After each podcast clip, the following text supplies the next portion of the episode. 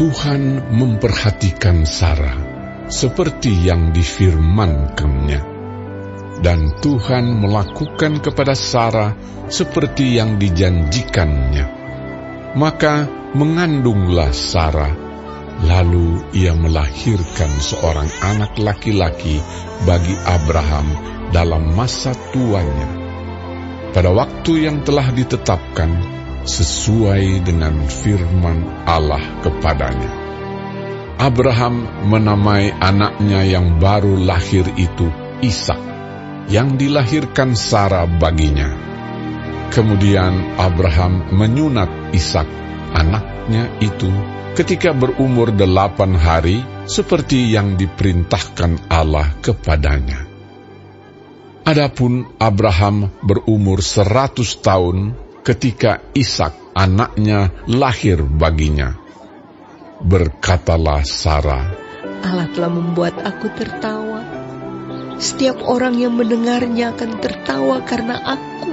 Lagi katanya, Siapakah tadinya yang dapat mengatakan kepada Abraham, Sarah menyusui anak? Namun, aku telah melahirkan seorang anak laki-laki baginya pada masa tuanya. Bertambah besarlah anak itu dan ia disapih.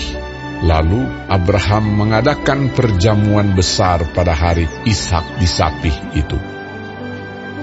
Pada waktu itu Sarah melihat bahwa anak yang dilahirkan Hagar, perempuan Mesir itu bagi Abraham, sedang main dengan Ishak anaknya sendiri. Berkatalah Sarah kepada Abraham, Usirlah hamba perempuan itu beserta anaknya. Sebab anak hamba ini tidak akan menjadi ahli waris bersama-sama dengan anakku, Ishak. Hal ini sangat menyebalkan Abraham oleh karena anaknya itu. Tetapi Allah berfirman kepada Abraham, Janganlah sebal hatimu, karena hal anak dan budakmu itu. Dalam segala yang dikatakan Sarah kepadamu, haruslah engkau mendengarkannya. Sebab yang akan disebut keturunanmu ialah yang berasal dari Ishak.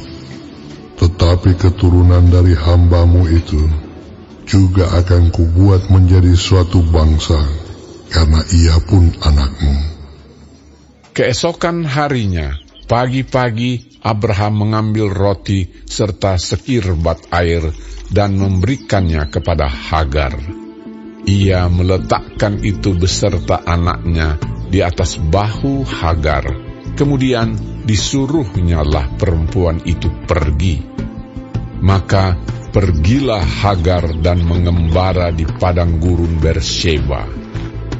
Ketika air yang dikirbat itu habis, dibuangnyalah anak itu ke bawah semak-semak, dan ia duduk agak jauh kira-kira sepemanah jauhnya, sebab katanya, Tidak tahan aku melihat anak itu mati.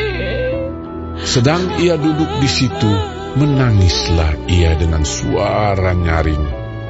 Allah mendengar suara anak itu, lalu malaikat Allah berseru dari langit kepada Hagar, katanya kepadanya, Apakah yang kau susahkan, Hagar? Janganlah takut sebab Allah telah mendengar suara anak itu dari tempat ia terbaring. Bangunlah, angkatlah anak itu, dan bimbinglah dia, sebab aku akan membuat dia menjadi bangsa yang besar. Lalu Allah membuka mata Hagar, sehingga ia melihat sebuah sumur. Ia pergi mengisi kirbatnya dengan air, kemudian diberinya anak itu minum. Allah menyertai anak itu sehingga ia bertambah besar. Ia menetap di padang gurun dan menjadi seorang pemanah.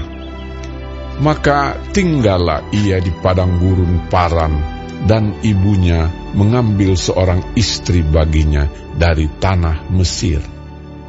Pada waktu itu Abimelek beserta Pikol panglima tentaranya berkata kepada Abraham, Allah menyertai engkau dalam segala sesuatu yang engkau lakukan.